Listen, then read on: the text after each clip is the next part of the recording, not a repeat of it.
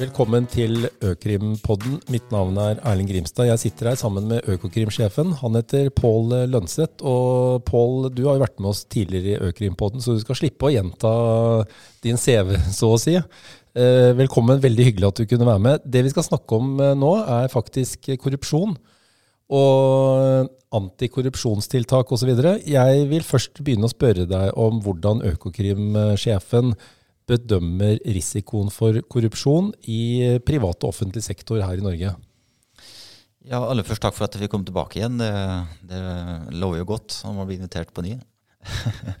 Men eh, jo, eh, eh, vi har pekt på den trusselen som, som er økende både i vår trusselvurdering fra mars i 2020 og, og også i den NRA-en, altså Nasjonal risikovurdering for, mot hvitvasking og terrorfinansiering. Da peker vi på den trusselen. Og det er jo fordi at vi, vi står inn i en tid, en pandemi, som, som vi nok ser generere større risiko for, for, korrupsjon både i offentlig og privat sektor i, i, en sånn tid. Man skal huske på at det er mange virksomheter som nok følger større press på både å vinne kontrakter i, i privat sektor, uh, men også få tillatelser fra offentlige myndigheter. Og når, den, når den, det presset blir større, så går faren for korrupsjon opp. Sånn at det, det, er med på å drive da, vår vurdering av at den trusselen er forhøyet nå. Mm. Og så jobber jo Økokrim med mye med korrupsjon. Eh, så vi ser jo dette her nær sagt fra dag til dag også. Vi har jo nylig tatt ut en tiltale i uh, Oslo Boligbygg-saken. Vi står i en, uh, en rettssak nå i, i, i Horten omhandlende hvor vi mener det er godt, begått korrupsjon knytta til, til tillatelser gitt på utbygginger i Tjøme. Vi har nettopp rett før jul reist en tiltale mot i Nittedal knytta til det vi mener er korrupsjon i kommunal sektor. Eh, så, og vi har flere dommer nylig avsagt, også vi har fått eh, gjennomslag for, for, domfellelse på korrupsjon. Så dette er også noe som vi er opptatt av, og som vi bruker mye ressurser på mm. hver eneste dag. Ja. Eh, og dette tror jeg er ganske ukjent for mange av lytterne våre, at dere faktisk jobber så mye med korrupsjonssaker. Uh, jeg tror at i hvert fall basert på vår erfaring, så vet vi at mange bedrifter særlig, de syns at det er veldig krevende å vite hva slags tiltak skal de gjøre for å beskytte seg mot korrupsjon, og ikke minst hva forventer myndighetene at man har på plass. Og Det er jo en egen bestemmelse i skadeserstatningsloven om korrupsjon. altså Hvis det, det oppstår økonomisk tap som følge av korrupsjon, så kan du bli erstatningsansvarlig, i tillegg til da risikoen for straffansvar. Så det er jo naturlig å spørre deg, har du noen gode råd sånn helt overordnet på hvilke tiltak Økokrim mener, eller du som Økokrim-sjef, mener eh, at virksomheter bør ha på plass for å beskytte seg mot korrupsjon? Ja, Det kan jeg si ganske mye om. Men la meg starte med å si da at um, et, altså tiltakene må jo tilpasses virksomheten, selvfølgelig. Uh, og det er ikke sånn at vi kommer til å stille samme krav til en, en, liten håndverksbedrift som vi kommer til å stille til et stort internasjonalt uh, foretak. Uh, så der vil våre forventninger være veldig ulike, egentlig. Uh, og det henger jo sammen også med det som bedriftene må gjøre, nemlig at de må foreta en risikovurdering av sin virksomhet knytta opp til korrupsjonsfaren, det å bli involvert i korrupsjon. Um, og, og, den er jo veldig ulik hvis du er en liten norsk håndverksbedrift eh, kontra et stort eh, norsk foretak som også har omfattende virksomheter ute i risikoområder. Så det er, det, det er en stor forskjell. Men grunnleggende da gjør den risikovurderingen. Eh, treff de tiltakene på korrupsjonsforbygging som den risikovurderingen ja, peker deg i retning av. Altså hvis du har en risikovurdering som sier at her er agenter en stor risiko, ja, så må man ha ekstra tiltak satt inn mot å bli involvert i korrupsjon gjennom agentene. Um, så er det selvfølgelig viktig uh, for oss at man har en helt klar si, tone from the top i det selskapet. som går på at korrupsjon er helt uakseptabelt, og det skal vi ikke være en del av. Uh, og heller ikke våre samarbeidspartnere skal være en del av. Uh, og ikke bare topplederne, men det, det vi ofte jo ser, er jo at korrupsjon begås av mellomledere. Mm. og de som sitter rett under mellomlederne. Og det betyr at topplederne må være opptatt av hva mellomledere kommuniserer også, og hva mellomledere gjør. Så det er, det er viktig. Uh, og så er det da selvfølgelig at, rett, at, man må ha et program, altså retningslinjer for, som er tilpasset virksomheten. Uh, på at man ikke skal noe, ha en virksomhet som begår korrupsjon, og at de ansatte er trenet og dilemmatrenet på de tingene som kan være relevante for den aktuelle virksomheten. Um, så det er tone from the top og risikovurderinger. Og så tror jeg det er viktig for meg å peke på at man Det vil alltid være sånn at man løper en risiko og blir involvert i korrupsjon gjennom sine samarbeidspartnere. Så å kjenne samarbeidspartner Litt sånn som man kjenner fra hvitvaskingsarbeidet kjenne sine kunder der er, gjelder også for korrupsjonssiden. Kjenne sine samarbeidspartnere.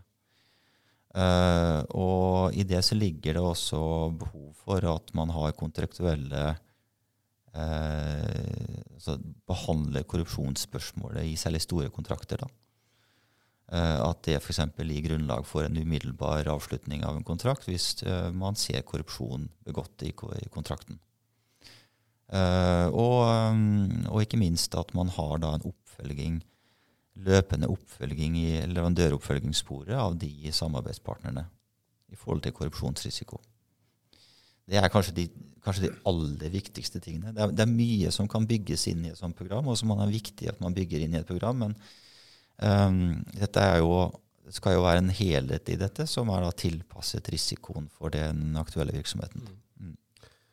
Eh, det er en god del ting å tenke på. Når du snakket om tonen eh, fra toppen, har styret noen bestemt rolle i eh, disse antikorrupsjonstiltakene etter din mening? Ja, definitivt. På hvilken måte da? Dette er jo styreansvar.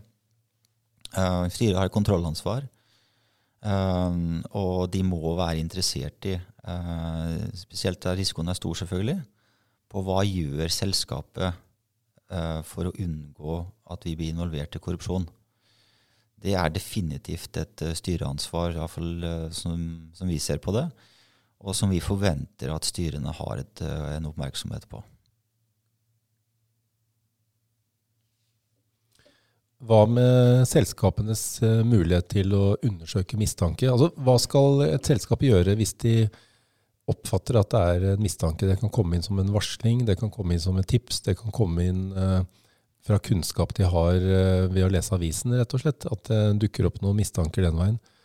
Eh, hva skal virksomheten eh, gjøre da? Skal de løpe rett til dere i Økokrim og si at vi mistenker at noen hos oss er korrupte? Kan dere være vennlige å starte etterforskning? Eller skal de, hva skal de rett og slett gjøre for å starte arbeidet med å, å undersøke en, en mistanke når den oppstår?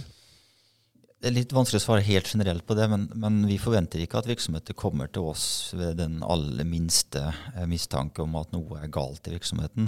Uh, men vi forventer at de griper fatt i mistanken, undersøker den, uh, ettergår de påstander som har kommet, og litt avhengig av hva de finner, selvfølgelig, komme til oss.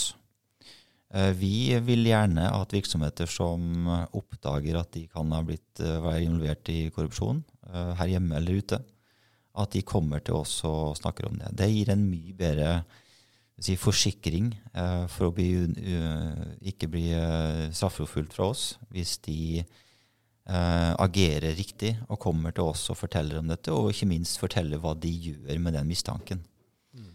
Vi er jo mye mer altså Vi er ikke så veldig opptatt av å forfølge virksomheter som har gode programmer, og som jobber aktivt med korrupsjonsarbeidet sitt. Uh, og så får man en hendelse, og så, og, og så, agerer man på den informasjonen man har om den hendelsen, uh, for å forebygge at man ikke gjør noe galt fremover. Vi er mye mindre interessert i å straffeforfølge de selskapene som gjør det arbeidet der skikkelig, enn selskaper som ikke gjør det arbeidet skikkelig, og som ikke griper fatt i en mistanke. Mm. Og som kanskje heller ikke kommer til oss. Mm. Da løper de en mye større risiko for straffeforfølging. Jeg har lyst til å bare stille deg et spørsmål helt til slutt. Eh, for jeg vet at mange bedriftsledere er opptatt av dette.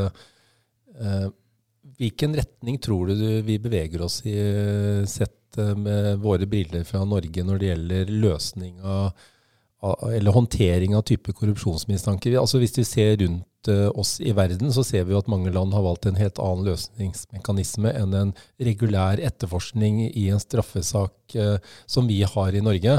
Altså Man har muligheter til å inngå avtaler med myndighetene. Man får uh, sånn sett gjort opp for seg. Får betalt seg ut av en korrupsjonssak. Man må selvfølgelig legge alle kortene på bordet, gjøre opp med myndighetene, og så kan man gå videre. Så slipper man å og kanskje være redd for at uh, noen kommer tidlig en morgen og begynner å ransake private boliger og selskapets lokaler osv.